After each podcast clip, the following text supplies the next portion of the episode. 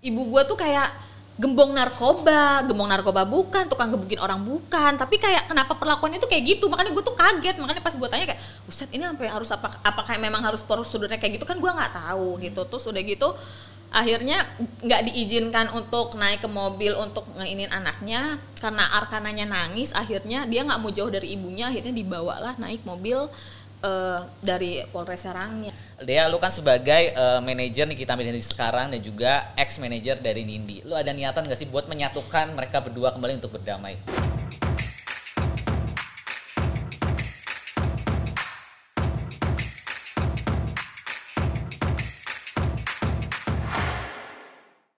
Nikita Mirzani, seorang artis kontroversial yang baru ini juga sedang ramai diperbincangkan karena uh, terjadi perseteruan dengan salah satu aktris penyanyi Nindi Ayunda. Yang lebih menghebohkan lagi baru-baru ini juga uh, Nikita ditangkap di salah satu pusat perbelanjaan di Jakarta Pusat yang sempat menghebohkan sosial media dan jagat raya. Oke, sekarang gue di Studio Podcast sudah kedatangan manajer dari Nikita Mirzani dan juga mantan manajer dari Nindi Ayunda. Ini kayaknya bakal seru sih gimana ceritanya seorang manajer ini. Ternyata manajer Niki ini dulu mantan manajer Nindi Ayunda, sekarang mereka berantem. Oke, tapi sebelumnya karena di podcast gue ini terus juga dingin dan juga belum gue belum pakai parfum juga. Gue akan pakai body lotion dari Scarlett Ini produk kesukaan gue banget karena wangi banget terus juga tahan lama. Gue lagi mau pakai yang varian Jolly. Ini gue suka varian Jolly. Soalnya ini wanginya tuh bener-bener tahan lama. Jadi gue nggak perlu pakai parfum. Dia tahan sampai seharian. Terus apa? Lihat. Begitu dipakai, itu langsung ngeresap di kulit gua dan ini nggak lengket. Tuh lihat. Terus kulit gua langsung cerah dah. Serius gua nggak bohong nih. Ini gua pakai yang sebelah ini juga ya biar balance warnanya. Kita lihat. Uh gila wangi banget. Hmm the best. Sekarang terpanjang lagi ya placementnya di podcast Bisa Entertainment. Pokoknya sekali ini uh, dia udah mengandung glutathione vitamin E dan juga kojic acid jadi benar-benar nutrisi dan mencerahkan kulit kita dan yang paling penting udah Bipom and not tested on animal. Jadi kalian harus beli sekarang juga cuma ribu rupiah. Oke. Okay. The best kan Scarlett? Di sini podcast gue udah kedatangan Dea Anifa. Dek, thank you banget loh udah mampir lagi. Eh tapi dulu kita belum ada studio podcast ya? Iya, sekarang udah mulai ini ya, udah mulai terarah ya. Dulu kalau dulu tuh di hujan-hujan di kafe sampai berisik nggak tahu tuh ngomong apa nggak kedengeran. Ada kecoa ngerayap-rayap lah tuh di kafe yang nggak tahu lah tuh di mana tuh kafe. Sekarang ya udah oke okay lah ya. dua tahun yang lalu ya kalau nggak salah dulu. Iya dua tahun lalu. Nggak kerasa loh, sekarang dia udah sukses ini tadi datang ke sini tiba-tiba dengan mobil Mercy-nya. Dia bilang, Dek mobil lu udah baru nih sekarang. Biasa kalau kehidupan itu harus lebih maju ya kan. Hmm apalagi yang gue pegang uh, ibu yang kontroversial jadi kayak harus punya sesuatu hmm, setuju katanya gajinya 200 juta kemarin Niki bilang di podcast gue bener gak itu? Oh iya udah naik sekarang udah dong naik. udah setahun yang dua tahun yang lalu kan lalu. sekarang iya. berapa gajinya sama Niki? Aduh berapa ya aduh jangan disebutin deh nanti banyak yang sirik ntar gue di dimpes dempesin orang aduh yang pasti sekarang udah di atas 200 juta per bulan ya ya alhamdulillah disyukurin aja yang didapat rumah-rumah yang waktu itu bilang dibikin beli sama Niki jadi udah ditempatin udah udah lama udah mau kayak berapa bulan ya kayak udah mau setahun sih. Udah mau setahun. Bulan, Apa udah, niat mau beli rumah baru lagi jangan-jangan? Waduh, uh, ya nggak tahu juga sih. Yang namanya rezeki kan gak boleh iya. ditolak ya. Setuju sih. Jadi kayak ya jalanin aja lah. Iya, Let it go aja. Setuju. Gak usah banyak yang dipikirin. Kalau dipikirin nanti giling. Tapi lo juga selain hebat loh dia ini selain jadi manajer Nikita Mirzani, dia juga kerja di agensi masih sampai sekarang. Masih dong. Gimana? Kata aku tuh suka banget sama dunia ini sayang. Jadi pas saya lu kan di belakang layar ya, iya. kita kan. Ini orang di belakang layar banget karena dia manajer artis juga, orang agensi juga. Betul. Jadi kan ngobrol banyak ya tentang di belakang layar boleh. ya. Boleh. Okay. Banyak banget, pokoknya seru banget lah kalau di belakang layar tuh. Wah udahlah. The best. Tapi kita sebelumnya kita mau membahas sedikit yang lagi viral di perbincangan sekarang Aduh, ini tentang kemarin kan sempat uh, nih kita yang katanya ditangkap kan yang kita lihat viral di dunia jagat maya iya. TikTok yang lain yes. di Senayan City ya. Betul. ya. Uh, di mall di Jakarta Pusat Senayan City bersama anaknya. Sebenarnya kronologis kejadian sebenarnya dan lebih serunya lagi lu adalah manajer dari mantan manajer dari Nindi Ayunda. Apa iya. lu salah satu penyebab di balik peributan mereka? Jangan-jangan. Waduh, ini gimana nih coba diluruskan? Bukan karena saya ya, kayak kalau saya kan diem-diem aja jadi intinya itu kejadiannya udah lama lah. Hmm. maksudnya ada kejadian yang nggak baik ke, ke di sebelumnya yang akhirnya gue memutuskan untuk memilih Niki dan gue akhirnya keluar dari sana.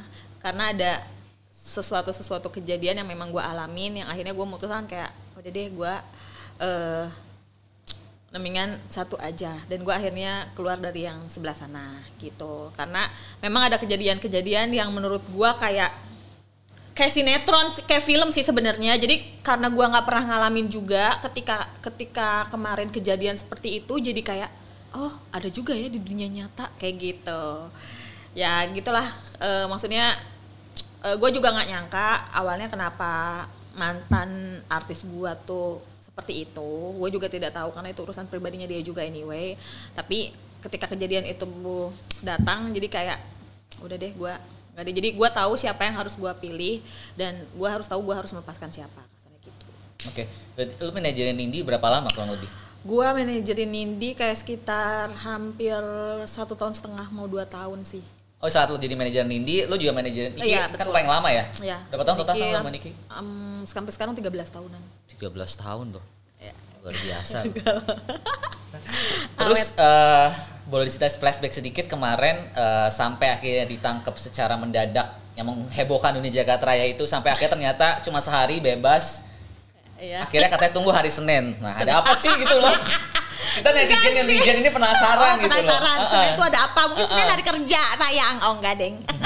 Jadi gini intinya kejadiannya tuh cepet banget. Mm-mm. intinya ke- kejadiannya tuh cepet banget. Intinya ya yang kalian tahu lah di media apa segala macam Niki kan dilaporin sama eh, Mas Dito ya Mas Dito Mahendra yang sekarang itu eh, bareng sama Nindi. Jadi dia dilaporin sama Mas Dito eh, gara-gara Niki tuh posting di sosial medianya Niki. Nah, tetapi sebenarnya yang diposting di sosial media eh, di Instagramnya Niki itu memang berita yang dia ambil dari media, yang dia capture.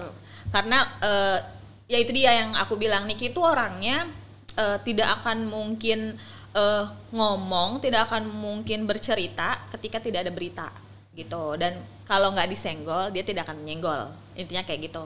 Nah jadi eh, dia posting apa segala macam sesuatu itu. Nah akhirnya yang eh, akhirnya dilaporkan sama Mas Dito itu di Polres Serang. Gitu. Nah kita juga nggak tahu kenapa dilaporinnya ke Polres Serang karena masalahnya kan eh yang setahu aku secara domisili KTP bukan di Serang. Terus secara mm, melihat kejadian juga tidak di Serang karena kan setahu nggak tahu ya setahu aku di mana ada kejadian itu harusnya dilaporkan di saat TKP itu kejadian gitu. Akhirnya kita tidak tahu menau apa segala macam tiba-tiba akhirnya Niki ada laporan di Serang Banten gitu. Nah dari situ bergerak eh, pokoknya cepet banget lah intinya kayak Niki tiba-tiba dikirim surat akhirnya ada yang kejadian masalah penggerbekan jam 3 itu. Nah kita juga nggak tahu karena maksudnya yang kita heran eh, biasanya kan setahu aku kalau misalnya eh, ada sebuah kasus tuh maksudnya ada ya maksudnya ya aku nggak tahu ya mungkin eh, di setiap daerah beda atau enggak cuman kan biasanya ada prosedur prosedurnya lah biasanya setahu aku. Jadi kemarin tuh tiba-tiba tuh kejadiannya tuh kayak cepet banget gitu loh. Jadi kayak tiba-tiba di, di- ada penggerbekan jam 3 abis dari situ tiba-tiba ada penggeledahan abis itu tiba-tiba ditangkap lagi di sensi kayak gitu. Jadi itu kejadiannya memang cepet banget lah kasarnya kayak gitu.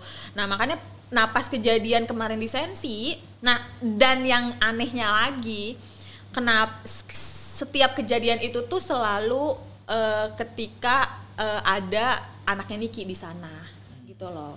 Yang kita yang kita sayangkan yang kita sedihin tuh kayak eh, karena kan sekarang sampai sekarang ini kan anak-anaknya Niki jadi trauma ya gara-gara kejadian itu. Eh, apalagi anak yang kedua dia tuh jadi kayak introvert gitu loh. Jadi ketika dia keluar rumah dan ketemu orang banyak dia tuh jadi takut jadi gemeteran. Jadi dia lebih banyak senang di rumah apa segala macam karena kan maksudnya eh, ya namanya anak kecil lah. Maksudnya ketika eh, ngelihat orang tuanya kayak gitu kan mereka juga ngerasa takut dan ngerasa kaget gitu. Apalagi pas kejadian lisensi kemarin karena pas kejadian lisensi kemarin kan sebenarnya aku nggak ada karena aku lagi kerja.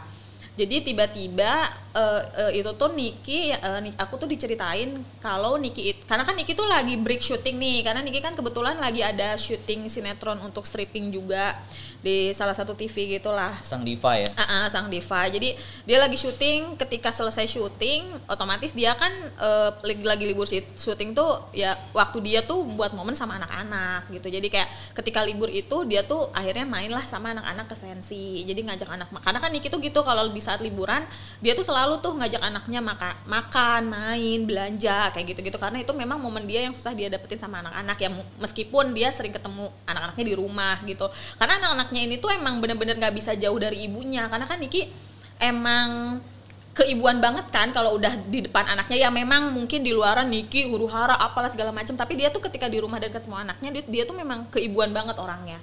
Jadi an- eh, jadi memang anaknya ini tuh kalau tidur kalau apa tuh harus deket sama Nikinya gitu. Nah akhirnya udah mereka jalan eh, di sensi abis eh, jalan di sensi. Nah Niki tuh udah mulai kayak aneh kayak kok gue kayak diikutin ya gitu. Tapi Niki masih kayak positif loh masih oh enggak deh apa segala macam cuman kayak kok jadi ketika dia jalan ke jet tuh diikutin di- jadi ada yang ngintilin. Terus ketika mm, lagi jalan-jalan terus diikutin. Tapi ya Niki positif aja nggak ada apa-apa segala macam nah akhirnya tiba-tiba kejadiannya itu pas nyampe di Niki lagi nungguin supir buat untuk pulang karena Niki tuh setelah itu ada syuting lagi.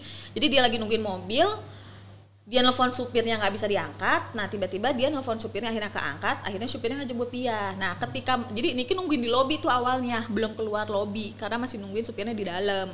Nah pas supirnya ini udah mau deket di lobi jadi mobilnya si supir ini tuh dihadang gitu mobilnya. Jadi pas ketika dia mau jalan ke depan langsung ada di mob, ada di sini dilewatin mobil di sini ada mobil lagi. Nah di situ langsung disergap Hmm. Nah, yang kita sayangin pas ketika disergap itu tuh sama anak-anaknya, lagi pas Iya. sama anak-anaknya dan Niki juga lagi nenteng anaknya masuk ke dalam mobil gitu Si loh. Aska ya. Iya, Eh, enggak dia lagi bawa Arkana. Oh iya, Arkana yang kecil Iya, ya? yang kecil. Jadi Iya. dia lagi membawa Arkana buat masuk ke dalam mobil. Hmm. Nah, tiba-tiba disergap gitu kan anak jadi kaget ya, jadi nangis apa segala macam. Cuman ya Niki di situ kan eh, nggak ngelakuin perlawanan lah maksudnya karena dia juga ngelihat anak-anaknya juga kan apa segala macam kasihan terus udah gitu eh, terus ada yang cerita heboh di luaran Niki di Borgol. Niki tuh nggak ada di Borgol sama sekali. Nggak ada berarti ya, Nggak betul ada. ya, nah iya. udah clear itu tuh buat yang ngomong Niki di Borgol. Di Iya, Borgol pakai apa?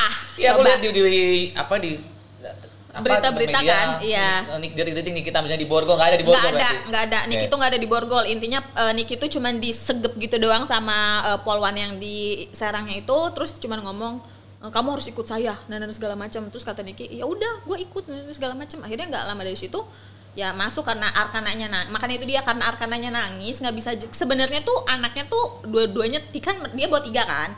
Nah Aska si Aska juga sebenarnya nangis tuh di dalam mobil dia udah kenceng maksudnya Niki Niki tuh ngomong baik-baik kayak bisa nggak biar saya nganterin anak saya dulu ke dalam mobil? Maksudnya buat bujukin kayak Ami mau pergi dulu atau gimana? Tapi kan mereka nggak ngizinin harus langsung masuk ke dalam mobil gitu loh. Makanya kita nyai makanya kan kita tuh bingung ya maksud gue tuh kenapa ibu gue tuh kayak gembong narkoba, gembong narkoba bukan, tukang gebukin orang bukan, tapi kayak kenapa perlakuannya tuh kayak gitu, makanya gue tuh kaget, makanya pas gue tanya kayak, Ustadz ini sampai harus apa, apakah memang harus prosedurnya kayak gitu? Kan gue nggak tahu gitu, terus udah gitu akhirnya nggak diizinkan untuk naik ke mobil untuk ngeinin anaknya. Karena arkananya nangis akhirnya dia nggak mau jauh dari ibunya. Akhirnya dibawalah naik mobil eh, dari Polres Serangnya bareng sama mbaknya. Makanya kan ada cerita-cerita yang katanya eh, iya kebiasaan nih Niki kalau ada kasus selalu bawa-bawa anaknya. Itu tuh nggak ada sama sekali. Memang arkananya juga karena deket sama ibunya. Jadi dia tuh nggak mau lepas eh, pas di dalam kantor polisi juga dia sampai ngamuk-ngamuk gitu. Sampai aku bujukin pulang nggak mau polisi di dalam tuh udah bujukin malah dimarah-marahin enggak nggak mau gitu-gitu Dan gitu memang kondisinya dia lagi jalan-jalan orang dia pun nggak iya, tahu dia kan. nggak tahu. Sama anaknya yang lagi libur iya, tadi itu karena kan. lagi liburan juga dan mereka tuh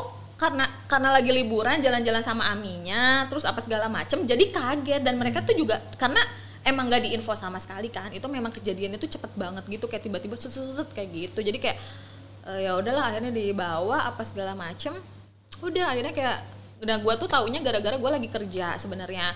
Ketika gue lagi kerja gue mau present tiba-tiba ditelepon Mail kak kan Niki ditangkep. Gue langsung kayak aduh kenapa ya? Ini gimana? Gue jadi kayak pecah konsentrasi ketika gue dihadapin harus meeting apa segala macam tapi kan karena memang itu resikonya gue jadi kayak oke gue beresin ini dulu abis beres ini gue harus beresin sebelah sana. Nah untungnya memang Nikinya itu tuh mengerti karena eh, dia juga tahu aku posisinya kerja juga anyway jadi kayak dia juga lebih tenang juga lah. Maksudnya tapi gue juga ngomong sama dia sebentar ya kak gue nanti susulin lo ke sana. Dia bilang akhirnya aku nyelesain meeting ketemu Mail abis ketemu Mail kita bareng-bareng buat nyamperin dia ke Serang. Sebenarnya gue sedih banget gitu kayak kayak kemarin eh, pas ketemu dia apa sebenarnya dianya kuat dia tuh nggak makanya ada berita kan banyak ngomong Niki nangis nangis di dalam di dalam Polres apa nggak ada dia tuh nggak ada nangis nangisnya Mas Rizky. Kalau lo tahu tuh gue tuh jadi kayak heran kayak nih cewek kuat banget ya. Lu nya nangis gak?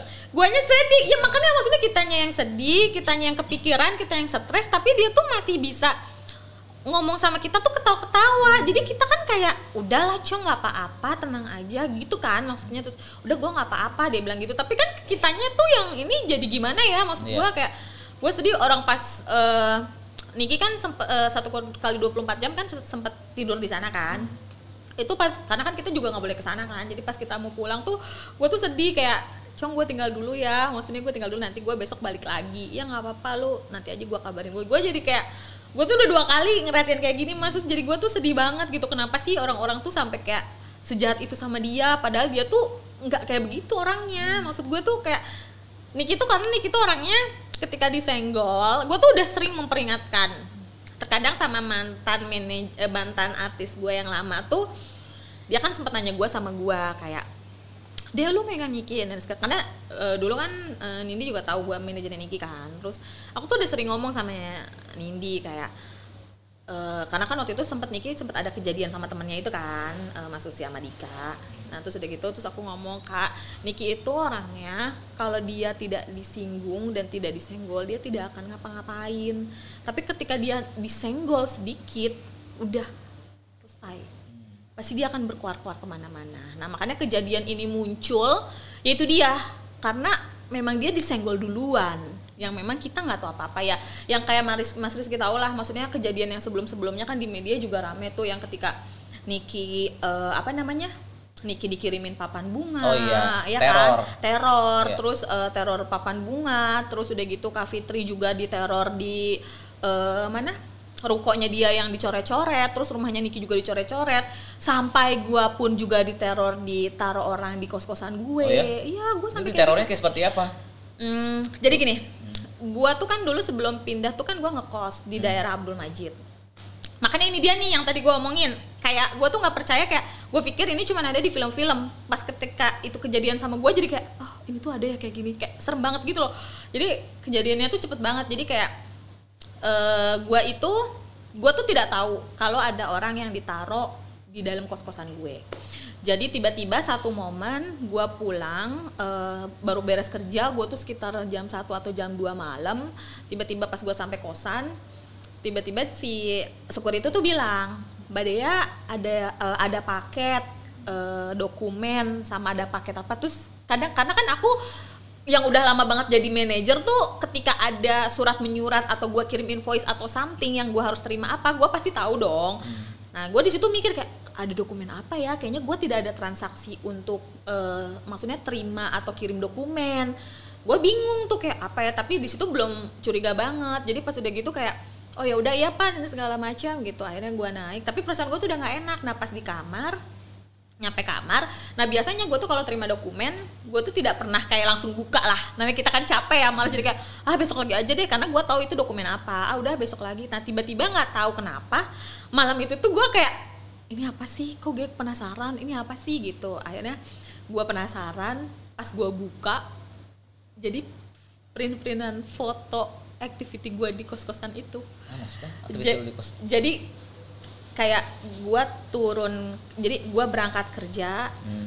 gue difotoin gue pulang kerja gue fotoin terus dia foto depan pintu kamar gue kos kosan gue terus kayak dia fotoin mobil gua dia fotoin plat nomor dia fotoin pas mobil gua keluar kayak gitu gitu Tujuannya apa? teror. Dan itu dari orang yang Nindi?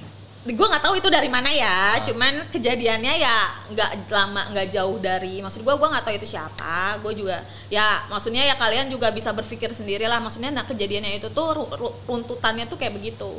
Jadi kejadian dari Niki Kak Fitri habis itu aku. Karena yang di yang difotoin tuh nggak aku doang. Karena kan di, di- aku juga kan tinggal sama adalah namanya Diol eh, sahabat kita juga nih satu geng juga sama Niki tuh satu kos kosan sama gua dan itu tuh kita diikutin gitu. Jadi kayak gua kayak pas buka tuh karena gua kan udah gitu kan gua perempuan. Jadi dari situ tuh gua langsung kayak takut kayak aduh gua kan kita nggak ada yang tahu ya. Udah gitu sendiri masalahnya.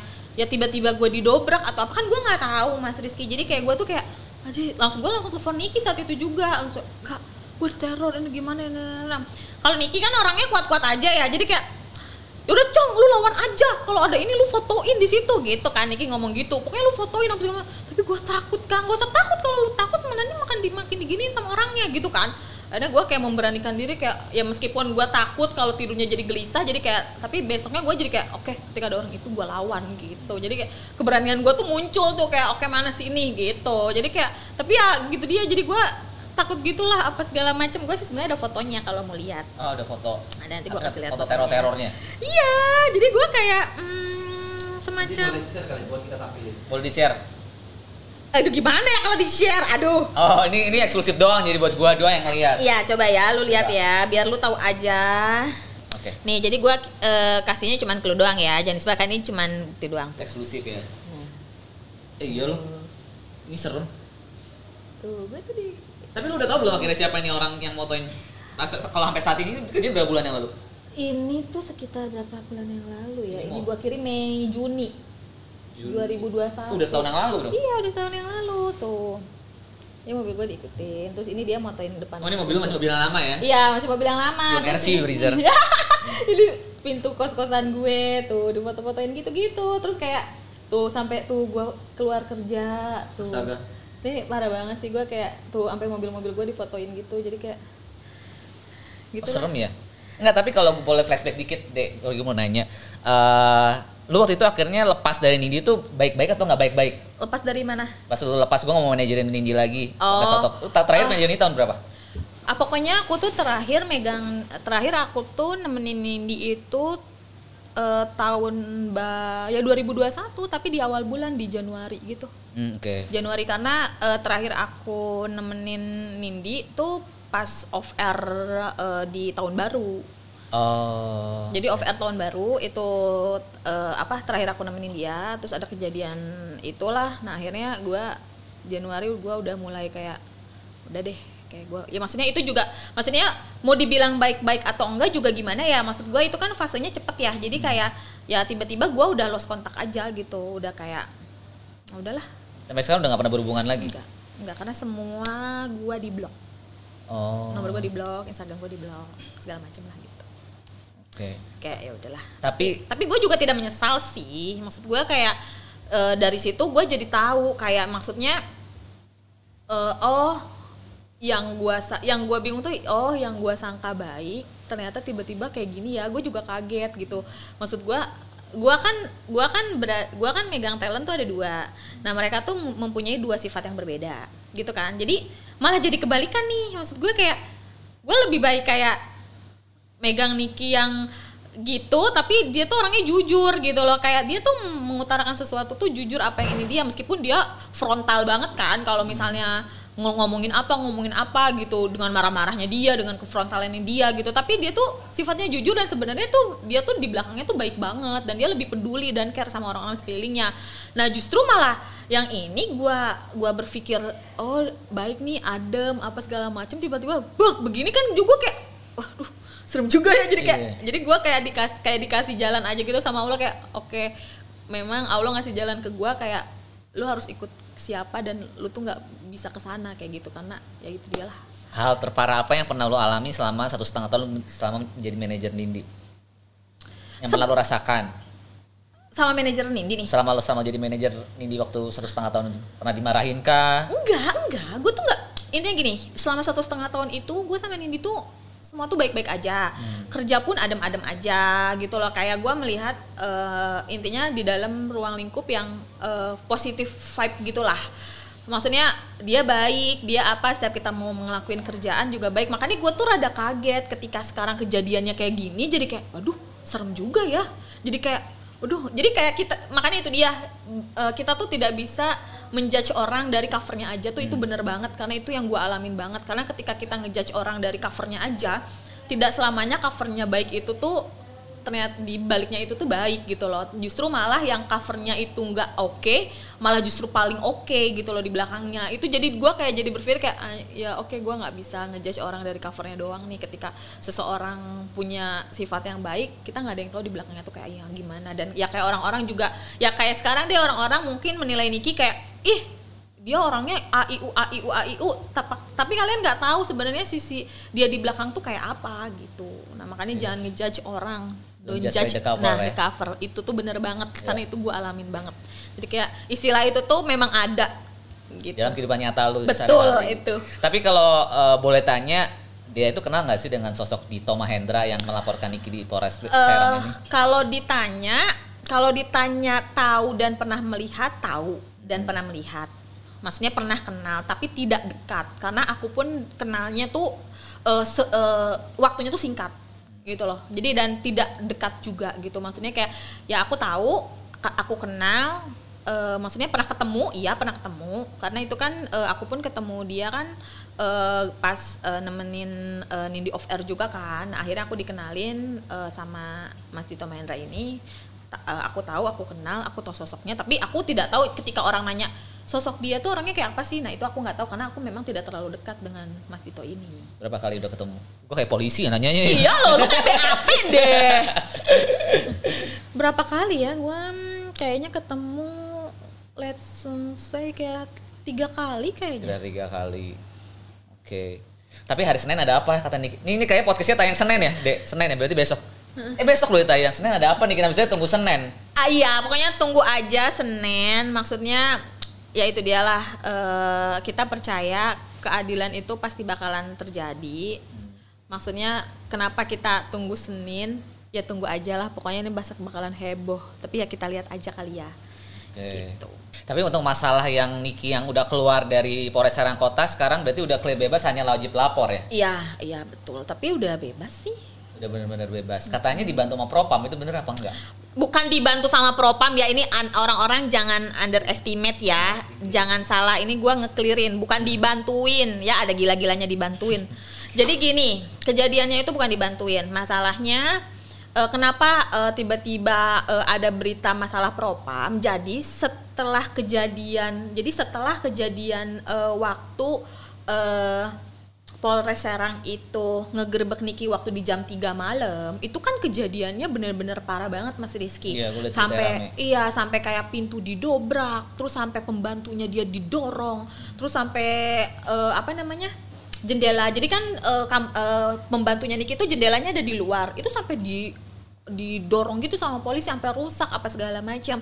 Nah, terus udah gitu eh, maksudnya kan eh, mereka juga datangnya kan pagi-pagi apa segala macam kan. Nah, sebenarnya Niki itu kayak melaporkan kejadian itu tuh ke propam. Oh. Jadi Niki tuh oke. sempat ngelaporin, bukan ngelaporin sih, maksudnya sempat melapor kejadian tentang apa yang dia alamin ketika dia digerebek jam 3 itu gitu. Nah, memang itu di eh, memang Niki sudah membuat laporannya tuh kan udah lumayan sebelum kejadian yang disensi itu Niki memang sudah melaporkan ke pihak propam gitu ya. Kalian juga udah lihat lah maksudnya pas ke ketika Niki datang ke propam juga kan udah banyak berita juga di luar kan. Nah, jadi eh, maksudnya tuh bukan diselamatin sama propam karena memang eh, sebelumnya Niki tuh membuat laporan tentang apa yang dia alamin sebelumnya gitu. Oke, jadi clear ya. Jadi emang benar-benar dibebaskan dari Serang Kota bukan karena dibantu Propam tapi memang terbukti tidak Iya. eh, disesek apa? Terbukti tidak bersalah apa? Iya betul. Sebenarnya gini, eh sebenarnya tuh eh, yang aku tahu ya, maksudnya aku juga kan mempelajari gitu ya. Kadang aku juga dengar dari yang lain. Setahu aku katanya undang-undang ITE itu tidak tidak harus langsung ditahan. Setahu aku. Iya. Nah, cuman kan ini perlakuannya kan kayak cepet banget tuh tiba-tiba Iya. ditahan apa segala macem. Nah, akhirnya eh, maksudnya dicari tahu apa segala macem. Maksudnya dengan perlakuan, maksudnya ketika yang dilakukan mereka juga sama Niki seperti itu, jadi kan juga eh, tanda tanya besar lah. Maksudnya jangankan dari pihak eh, kita gitu, maksudnya itu juga kan udah rame di halayak rame kan. Maksudnya udah jadi pro kontra gitulah di luaran. Maksudnya udah banyak yang ngomongin kayak kok Niki cuman undang-undang ITE doang sampai di kayak gituin perlakuannya udah sampai kayak gembong narkoba lah apa itu pun maksud maksudnya aku tuh kayak sampai KP, KPAI pun kan berbicara akhirnya angkat bicara kan maksudnya angkat bicara ketika kok diperlakuin seperti itu dan di depan anak-anak kayak gitu itu akhirnya kemarin juga KPAI akhirnya datang ke dalam eh ke Polres Banten Oh, untuk datang. ya mereka sempat Iya. datang eh, buat ngejemput Arkana sebetulnya cuman kan anaknya nggak mau jadi anaknya tuh ngamuk-ngamuk karena memang Arkana ini kan dari kecil memang deket sama Niki. Jadi apa-apa memang harus sama ibunya kayak tidur harus bareng Niki. Kalau nggak ada Niki dia nggak mau. Mana kemarin aku aku aja sampai bujukin pulang tuh dia nggak mau. Jadi kayak ketika KPAI datang ke sana buat ngebujuk anaknya nggak mau. Kan KPAI juga maksudnya mungkin juga nggak bisa memaksakan ketika anaknya nggak mau juga mau gimana gitu. Akhirnya udah rame pro kontra di luar ya yang kalian juga tahu lah pro kontranya kayak apa. Jadi kayak apa namanya akhirnya mungkin jadi bahan pertimbangan juga gitu di satu sisi juga mungkin eh, ya itu dia Niki akhirnya melampirkan surat laporan eh, maksudnya surat yang dia laporin ke propam itu gitu Jadi Arkana pada saat eh, Niki seharian di Polres ya, dia juga ikut nginep di situ. Iya, dia ikut nginep karena dia nggak mau pulang. Oke. Jadi Mas Rizky dia tuh nggak mau pulang karena masalahnya jangan kan gini Arkana ini tuh kenapa anak ibu banget karena kayak misalnya ini Niki syuting, dia tuh Niki syuting sampai nungguin Niki pulang. Kadang kalau misalnya dia udah terlalu ngantuk, dia voice note dulu Aminya nih, mam, eh, ibunya kayak eh, nge voice note Niki kayak Ami cepet pulang, aku mau bawa bersama Ami, udah gitu. Jadi dia tuh memang nggak bisa jauh. Udah gitu kejadian yang kemarin pas banget Niki lagi gandeng dia, dia kaget kan. Jadi Iya. udah gitu makin nggak mau jauh lagi sama Niki. Jadi dia makin ngamuk gitu akhirnya makanya kan kemarin juga pas kejadian di dalam sana ya itu dia tidurnya di sama Niki juga berdua meskipun ada tetehnya Iya. ya tetehnya cuma buat jagain doang tapi tidur dia Oh, bisa tetehnya ikut nginep juga berarti di situ. Iya, karena kan Oke. memang harus tetap harus dijagain sama Iya. yang ini kan. Jadi eh, apa namanya? Jadi pas eh, kita masih ada di sana, aku kan diminta sama Polresnya juga buat masuk untuk eh, bujukin adek kan, buat Mbak boleh dibawa pulang nggak adeknya gitu ya. Udah Mas saya coba ya, tapi saya nggak bisa maksa Pak, karena ini kan anak kecil. Itu dia tuh sampai karena Nikinya masih diperiksa juga kan sampai aku bujukin dia tuh nggak mau. Dia dan dia tuh mas udah jam 12 apa jam setengah satu dia tuh masih nonton eh, TikTok nonton apa dia nggak mau tidur.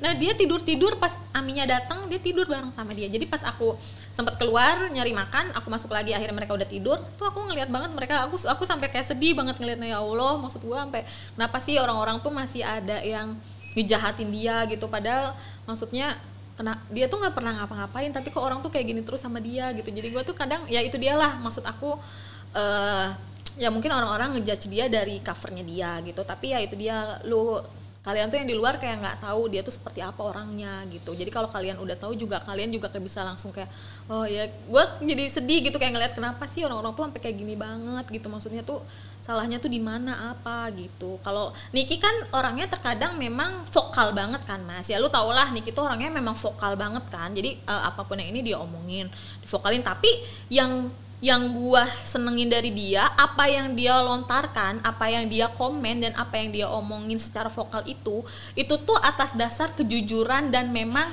bener apa adanya gitu loh. Bukan yang dia buat-buat. Jadi memang yang dia tahu dan yang dia eh, pingin omongin gitu. Dan apa yang dia omongin tuh selalu bener dan nggak ada salah gitu maksud gua. Tapi ya orang berpikirnya yang terkadang kan kayak ah dia mah mau ikut-ikutan ah apa segala macam. Padahal tuh Niki tuh sebenarnya kalau dia nggak disenggol dia tuh tidak akan ikut-ikutan. Itu aja. Oke. cuman orang mikirnya ah ikut-ikutan aja tuh dia akhirnya gitu. Hal terbaik apa yang pernah lo lihat selama lo jadi manajer Nikita Mirzani 13 tahun? Waduh hal baik apa? Mah banyak ya mas. Maksud gue dia tuh Paling intinya lupa. intinya aku tuh aku intinya aku tuh 13 tahun sama dia tuh tuh dia jad, dia tuh bener-bener jadi eh, orang yang bisa buat aku belajar di kehidupan aku sendiri. Karena pertama dia tuh memang sosok perempuan yang kuat banget. Karena aku kan udah lama sama dia ya mas ya. Meskipun eh, dia yang dulunya diperlakukan seperti apa sama mantan mantan suaminya tapi dia tuh kuat banget berdiri gitu loh mas. Dari zaman dulu dia kayak waktu ngelahirin apa dia sendirian apa segala macam dia tuh kuat ngadepin itu gitu loh. Dan dia tuh orangnya tuh berani gitu loh. Jadi karena dia kan ketika jadi nih gitu orangnya ketika dia merasa tidak melakukan kesalahan ya gue mau minta keadilan aja buat gua kasarnya tuh gitu. Tapi ya itu dia ketika 13 tahun gua ini dia tuh jadi kayak dia tuh orangnya baik banget sih. Maksud gua kayak ya orang nggak usah ngejudge dia dari luar lah maksud gua. Kayak banyak kok hal-hal positif yang bisa gua pelajarin dari Niki tuh banyak gitu loh dari sisi kehidupan kayak eh, misalnya kayak Niki tuh tipe orang yang eh, ketika ada orang-orang di sekelilingnya dia semuanya tuh harus sukses. Jadi dia tuh nggak mau orang-orang sekeliling dianya tuh nggak sukses lu harus sukses lu harus punya lu harus punya banyak uang lu harus punya ini lu harus punya itu. Jadi dia tuh orangnya memotivasi banget. Cuman ya memang motivasinya dia vokalnya secara frontal gitu loh. Maksudnya kan namanya orang eh, ngasih motivasi beda-beda ya. Meskipun dia ngomongnya kasar tapi tuh kayak ya itu tuh memotivasi orang gitu. Kayak eh, pokoknya lu nggak boleh pokoknya dia tuh mengajarkan kayak intinya lu harus bisa berdiri sendiri intinya mau apa pun keadaannya itu lu harus bisa memperkaya diri lu sendiri. Karena kita nggak ada yang tahu ke depannya kayak apa. Ketika lu misalnya udah ke depannya pun juga lu tidak tahu ke depannya akan seperti apa. Tapi ketika lu bisa berdiri sendiri lu akan kuat ngadepinnya. Itu dia sih. Maksud gua kayak hmm, ya juga sih. Gue jadi kayak makanya gue jadi kayak banyak belajar dari dia hmm, ya oke ya segala macam. Karena dengan ngelihat kehidupan tapi dia tuh mas orangnya tuh sabar banget. Dan yang paling penting dia tuh bener-bener jadi sosok orang tua yang bener-bener jadi panutan gue sih. Maksud gue dia ngurusin tiga anak sendirian dan dia bisa ngebuat si anak-anaknya ini tuh eh, jadi pinter-pinter gitu loh mas. Anak karena anak-anaknya Niki ini tuh tiga-tiganya tuh pinter banget.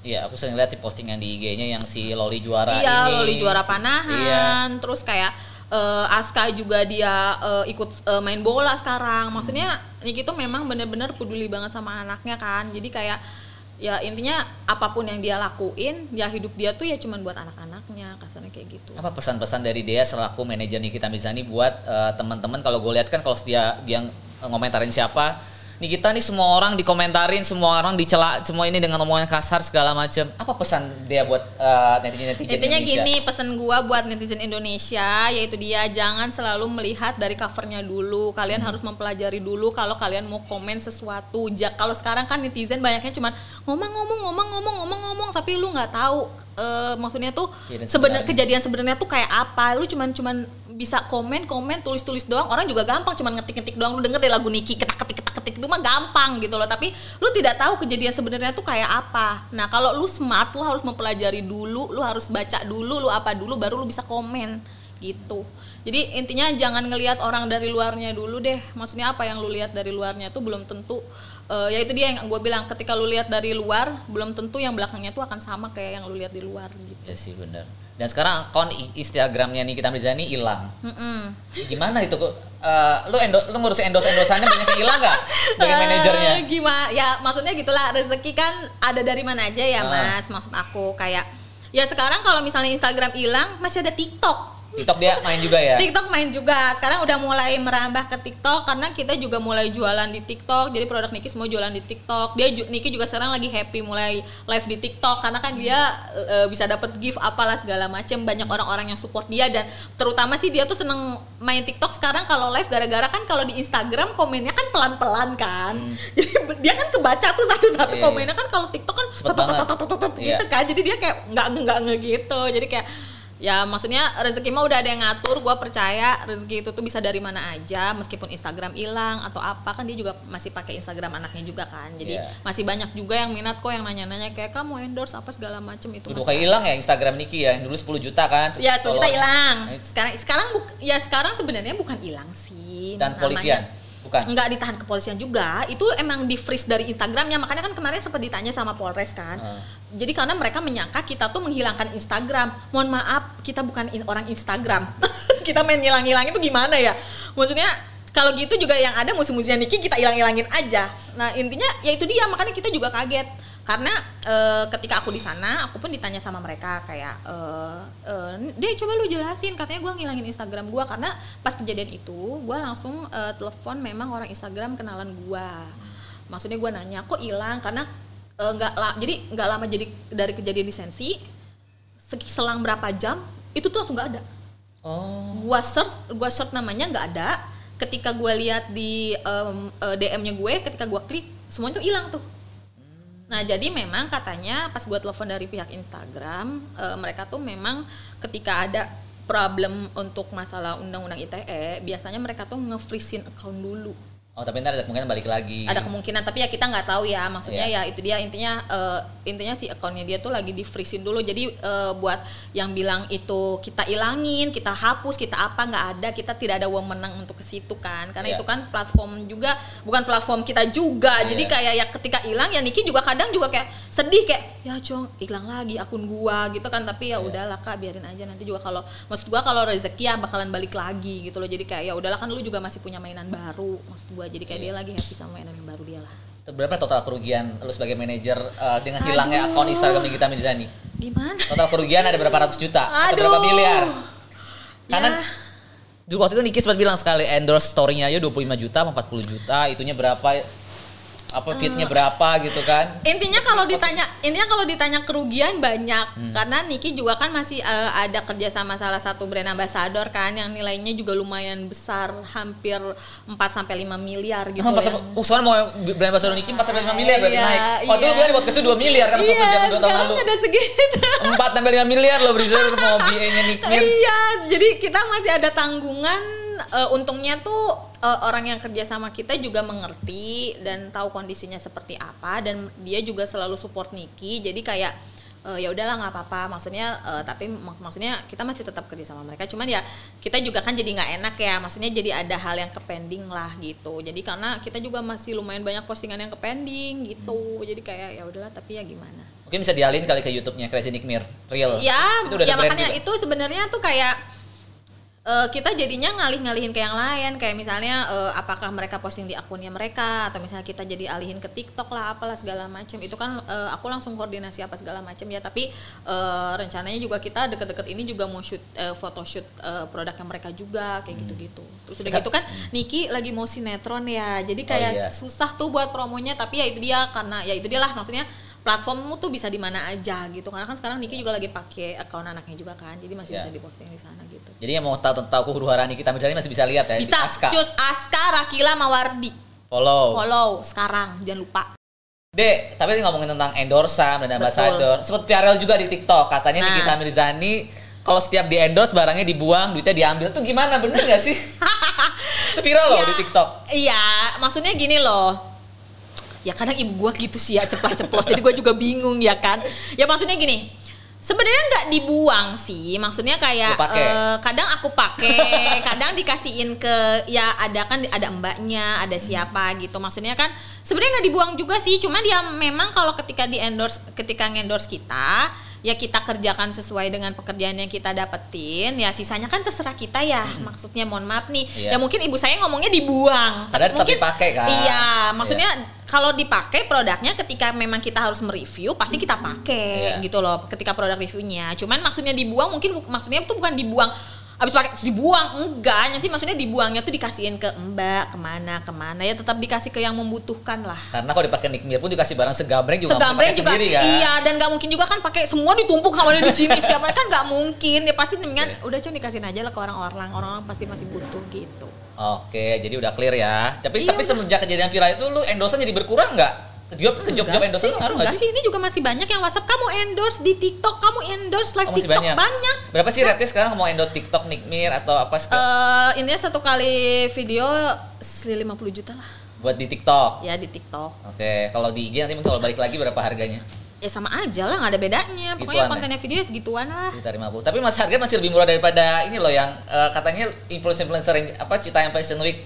Lu sebagai orang agensi coba klarifikasi eh, anak Iya TikTokers. tolong anak-anak tiktokers ya nih saya mau berbicara eh, guys kepada kalian kalian anak tiktoker Dengarkan karena ibu agensi kita. Jadi Dea ini selain jadi manajer Nick Mir, dia kerja di agensi yang bagi Muski OL ya? Iya, Oke, jadi gimana? jadi gua nggak tahu sih, ini mungkin fenomena aja ya. Cuman gua kayak menyayangkan aja gitu loh, ketika fenomena ini muncul, tuh kayak memang mungkin jadi banyak talent-talent atau artis-artis atau seleb bukan artis sih sebenarnya, mungkin kayak kreator gitulah, selebgram gitu tuh kayak semakin yang gua nggak habis pikir gitu kayak maksud gua tuh eh Oke, lu memang lagi viral. Oke, memang lu lagi rame nih, ya kan di dunia jagat maya ini. Tapi Sebut maksud saja gua, Cita yang Fashion Week ya. Iya. Anak-anak TikTok yang Fashion Anak- Kita nggak sebut nama tapi orang-orang di situ kan. Iya, orang-orang situ ya siapalah itulah yang merasa aja. Jadi Nah. gua kadang suka nggak habis pikir gitu, kayak bingung kayak mungkin karena instan juga atau gimana.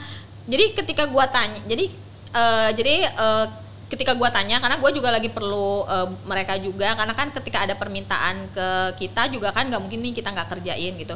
Tapi gua kadang nggak habis pikir gitu sama selebgram ini gitu kayak eh, sebenarnya dia tuh mau singkat aja atau mau manjang gitu. Masalahnya nih mereka tuh bisa loh kayak satu kali posting harganya ngelebihin artis udah gitu dua minggu sekali naik itu maksudnya gimana ya dua minggu sekali naik tuh kayak bingung kayak Lu "Hah, Nick dua Mir aja minggu?" harga naik ber- berapa lama sekali? setahun sekali satu tahun Coba dengarkan tolong kepada TikToker, selebgram minta dibantu. Iya, maksudnya connection. iya, jadi kayak maksud gua gini loh, yang minta kalian tuh banyak banget. Maksudnya ketika permintaan itu banyak, kalian juga harus lebih banyak difikirin. Maksudnya kalau maksudnya gua kayak biar manjang lah, lu juga masa mas masa sih cuman mau kayak sampai situ udah gitu. Lu viral ketika lu nggak viral lu nggak bisa dapat apa-apa lagi kan sayang gitu. Maksud gua ya justru menurut gua apa yang lu lagi dapetin sekarang, hype yang lu lagi dapetin tuh lu harus ambil momennya.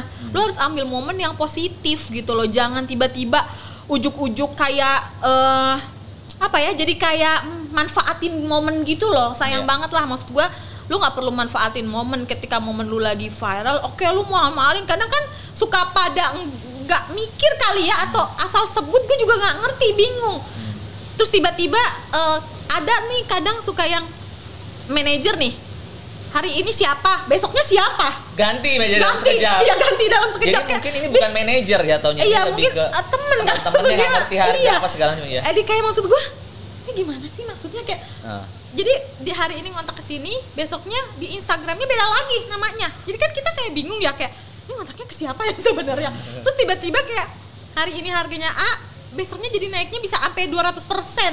100 persen jadi kayak ini lu main-main atau gimana sih sebenarnya? Maksud gue gini loh memang memang eh, mungkin lu berpikir eh, produk-produk brand-brand memang lagi membutuhkan dia lah sebagai momen. Tapi maksud gua eh, ambillah momen itu tuh sebagai kayak eh buat maintaining lu lah. Nih lu punya momen oke lah gua maintain nih momennya yang bagus kayak apa gitu loh. Jangan jangan jadi kayak lu punya momen lu kayak apa ya istilahnya kayak aji mumpung jadinya. Kayak ada momen ah gua aji mumpung aja deh. Ah gua terserah gua deh harganya. Nggak kayak begitu cara mainnya sayang. Setuju sih. nah, sayang. Coba Tapi tolong. gue tapi gue pernah di posisi lu kan. Jadi kan gue juga kan ngurusin KOL juga kan. Iya. Hari misalnya hari ini gue udah laporan harganya segini. Tiba klien gue oke, tapi dia baru oke bulan depan. Tiba-tiba harga naik dua Iya. kali lipat kan gue kena kena omel sama Iya kliennya. kan, maksudnya Iya. kan kadang maksud kadang kan kita juga maksudnya harus ada pertanggungjawaban sama klien kita Iya. gitu loh. Ya entah itu brand atau apa pun itulah yang penting kita harus ada tanggung jawab sama klien kita. Ya kadang klien kita juga maksudnya kita punya klien juga klien juga butuh proses yang nggak cepet gitu. Makanya gue tuh kadang suka heran gitu sama memang selebgram atau tiktoker atau apa pun itu yang mereka tuh eh, semudah itu buat naikin harga. Nih buat para tiktoker nih gue cuman bukan buat ngajarin cuman pengen ngasih tahu. Kayak maksudnya kayak eh, mohon maaf nih gue kan udah manajerin eh, artis kan 12 tahun ya udah lama. Jadi gue tahu banget gitulah maksud gue sayang banget lah. Gue tuh menyayangkan kayak lu tuh lagi punya momen lu tuh lagi punya peruntungan lah. Ya maksudnya dimanfaatin secara oke lah. Maksudnya jangan sampai kayak begitulah. Sayang lah kalau aji mumpung aji mumpung cuman kuat cuman sebulan dua bulan buat apa gitu loh. Ketika lu bisa maintaining ya lu juga akan lebih baik ke depannya gitu loh maksud gue ya. Namanya sekarang maksud gue kayak ngapain lah lu aji mumpung kayak cuman ini ah udah gue tingin aja karena gue lagi rame buat apa? gitu Iya. loh maksud gue kayak maksud gue tuh ya mungkin karena instan juga ya Mas Iya. Rizky. Maksud gue eh, be- maksudnya kita juga tidak bisa samakan dengan artis-artis yang lain. Kalau karena mungkin artis-artis yang lain memang mungkin tuh pengalamannya tuh udah panjang. Mereka tuh ngalamin pengalaman yang panjang dari A sampai Z lah kasarnya dari dari ya Allah dulu mereka ngapain sekarang jadi ngapain dan punya apa gitu loh. Karena kalau sekarang kan banyaknya yang instan-instan kan. Jadi mereka Iya. tuh mikirnya oke aji mumpung udah selesai udah nenek tapi kan ya itu dia kalau kita lihat sekarang semua banyak ketika rame abis itu udah Iya, hilang beberapa bulan doang. dua bulan let's say tiga bulan nggak ada lagi Iya.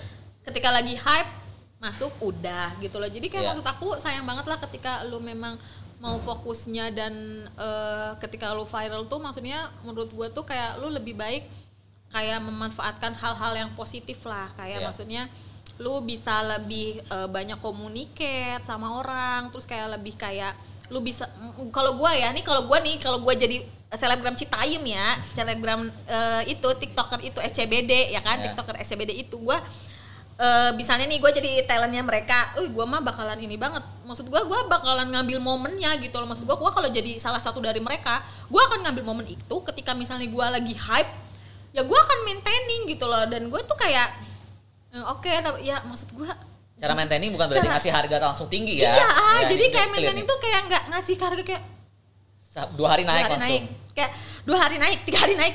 Kayak gimana ya dagang obat juga ada waktu terminnya kali ya atau gimana? Setuju. Iya kan? Kita yang kita orang-orang di belakang layar kita yang kena omel klien tuh beneran nggak sih ngasih harga lu mak apa tuh gimana? Kita iya kan jadi kita kayak laporannya. jadi kayak kita yang main-mainin gitu Iya. padahal kan kita juga sebenarnya dari merekanya juga gitu loh Iya. kayak ya itu dia lah makanya maksud gue buat yang viral-viral instan buat para ya tiktokers atau apa segala macem ya maksud gue ketika lu punya momen lu bisa lebih banyak belajar dan ngambil pengalaman aja lah maksud gue kayak gitu Ini pelajaran yang berharga banget dari ibu agensi kita. Jadi buat bukan hanya yang tadi ceritain aja, mungkin kiol-kiol atau pokoknya influencer, semua tiktokers gua, ya. eh, aku aku tidak aku tidak aku tidak ngomongin hanya si eh, Geng SC geng SCBD itu segala Ah. macam karena itu dialamin eh, sama yang se- selebgram selebgram yang lain lah memang ada beberapa momen yang kayak gitu maksud gua eh, gua kayak nitip pesennya tuh kayak gini lah maksud gua buat para selebgram, para tiktoker, gue yakin mereka tuh orangnya kreatif-kreatif dan gue juga menghargai ketika mereka ngambil konten itu tidak mudah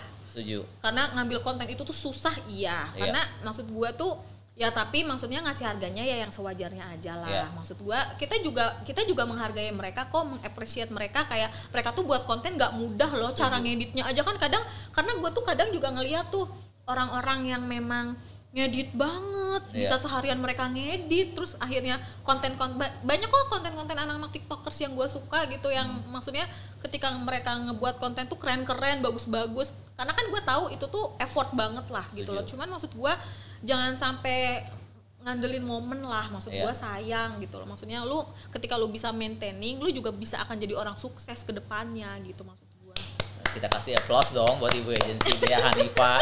iya gue kadang gimana ya Eh ada pertanyaan juga nih, eh, kan Nikita Mirzani sekarang main sinetron Sang Diva ya, yang Hmm. bahkan tayang segera tayang. Iya. Katanya Nikita karena udah nggak laku di TV lagi, sekarang main sinetron. Sebenarnya kenapa akhirnya Nikita milih untuk main sinetron?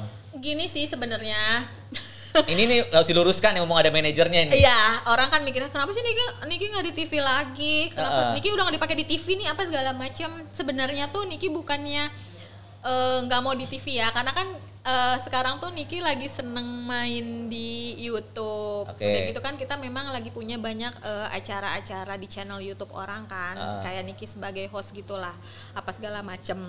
Kalau kita kan eh, mohon maaf nih jujur-jujuran aja karena Niki butuh uang, saya butuh uang. Oke. Jadi kayak ya kita nyari yang cepet-cepet aja ya kebetulan, Stripping yang nggak ya? ada effortnya ya kan. Nah. Jadi kayak Effortnya capek loh sinetron stripping. iya, tapi kan maksudnya jelas gitu loh Mas Rizky. iya, maksud iya. gua, maksudnya kayak kita jadi jadi maksud gua gini loh, ketika kita eh, misalnya nih sebelum sinetron ini ada kan Niki jadi eh, host di program channel YouTube lain kan sebagai host gitu. Tapi ya itu tuh jelas kayak kontraknya jelas, terus masalah pembayaran apa segala macem gitu. Jadi kan maksudnya eh, yang namanya kita kan pingin dapat duit cepet ya.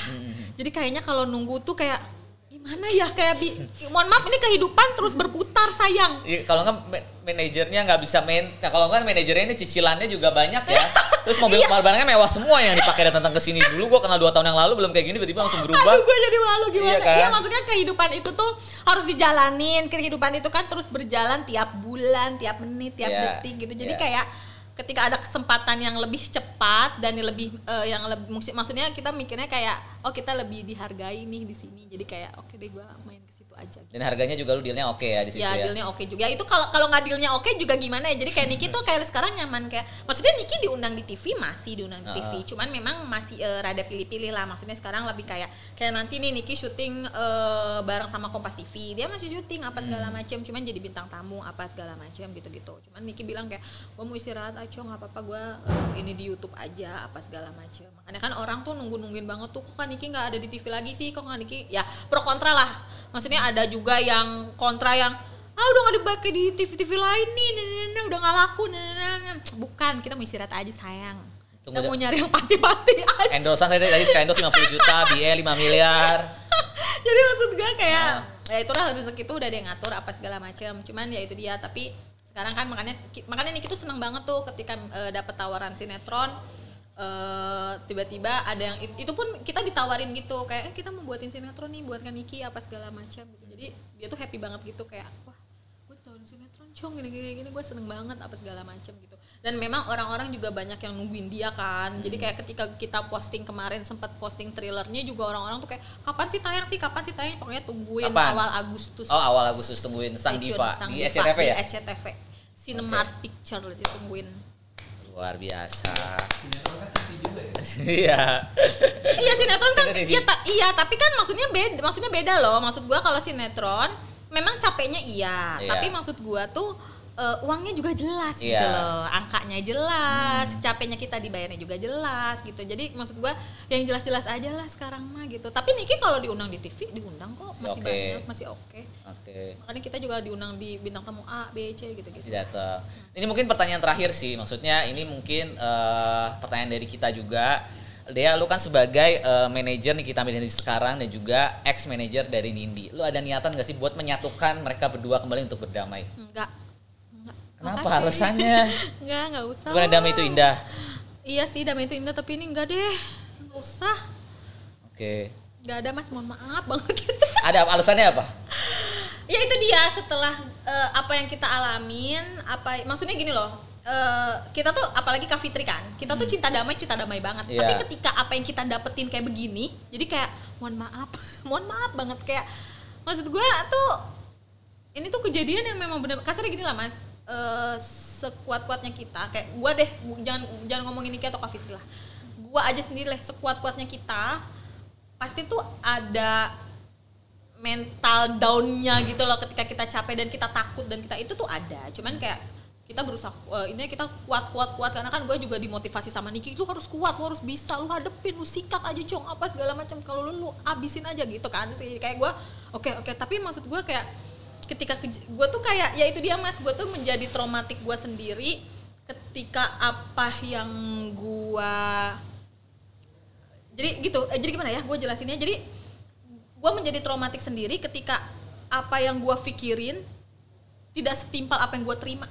Oke. jadi gue tuh kaget kayak oh, enggak, enggak gini terus kayak ketika ap- apalagi ketika Niki diperlakukan kayak gini kan mas. Ketika Niki diperlakukan gini dilakuin gini gue jadi kayak duh enggak deh kayak nggak usah udah nggak usah sekarang Eh, mungkin eh, jalanin aja yang apa harus dijalanin masing-masing Oke. Udah jelas, clear dari kuat-kuatan mental aja sayang siap. siapkan mental dan fisik anda Jadi kita siap hari Senin. Ini tayang Yes. Senin loh. Berarti hari, Hari, hari ini. Senin eh, pokoknya siapin aja mental dan fisik dan pikiran batin segala macam lalu siapin deh karena kita juga kuat kita kuat kalau nggak kuat ya udah Oke. Oke. Satu lagi tuh Kak. Apalagi, eh, Nan, aku mau nanya. nih satu lagi. Nah, editor ya, tim aku mau nanya apa? aneh apa sih Ah, sepil harga dong waktu cek anak-anak SCBD pernah di angka berapa? Oh, ada yang Enggak. tiba-tiba kes- Tahu harganya berapa mereka gilang ini tahu banget tuh loh kita. Ini kepo banget sih pokoknya tuh range harga yang gua pernah tanya ya intinya range harga mereka tuh 20 juta ke atas lah 20 juta ke atas kali endorse. iya Oke. Tapi tergantung orangnya ya ada orang yang Karena banyak ya? lim- karena banyak kan dan Ah. beragam-ragam cuman juga kayaknya mereka ya kak. Iya kayaknya sih, cuman yang paling tinggi yang rada gua syok kayak berapa? 20 juta kayak hah? 20 juta? Gue hmm, oke. Pas gua lihat pas gua lihat followernya kan, kan kita kan namanya orang digital kan pasti ngeliat kan pas Follow- ngeliat follower insight. Iya, pas ngeliat followernya kayak segini. Berapa followernya? Udah, 100 berapa gitu 100 gua ribu, lupa. oh. 100 ribuan kayak, hah segini nggak salah apa gimana sih? Ah, ya udahlah. Tapi kan kalau kita karena permintaan ya kita ajuin aja gitu Iya, loh. iya. Maksudnya mau diterima atau enggaknya yang penting kan kita udah ngajuin kasarnya kalau gitu kalau di dunia agency kan kayak gitu ya. Maksudnya apa pun Iya. permintaan klien pasti kita layanin, pasti kita kasih, pasti kita info gitu loh. Iya. Eh, karena kan semua keputusan semua balik lagi ke brandnya kan gitu. Oke, kita dapat cerita yang luar biasa banget untuk podcast Belang Layar kali ini bersama Dea Hanifa, manajer Denny Kiramisani sekaligus sebagai lu di agensi sebagai apa? Aku sebagai eh, manager planner lead gitu. Eh, Manajer. Jadi eh, gua tuh kalau di agency, gua Ah. tuh milih-milihin nama tuh. Buat Gua KOL. tuh milihin KOL. Ada brand A, milihin namanya siapa ya yang cocok Ngelis, personanya, iya. ngelis apa segala macam gitu-gitu. Makanya gua tahu tuh harga-harganya, apanya Nah. gua tahu. Jadi gua sudah mempelajari. Oke. Jadi cocok banget dengan konten kita di podcast Belang Layar. Kalian juga bisa komen di bawah kira-kira kalian besok mau toko di Belang Layar siapa lagi yang kalian mau dengar ceritanya buat di Bris Entertainment. Ya, thank you banget. Makasih banyak Salam udah buat. Niki ya. Siap, nanti Semoga salamin. selalu sehat, selalu Amin. kuat, selalu Amin. jadi wanita strong Pasti. dan Harus. banyak cuan yang paling penting. Pasti. Cuan paling utama Cuan. sayang. Nah. Buat Scarlett blogging lagi di sini juga. Oke, perpanjang ya. Ya, dadah. Bye bye.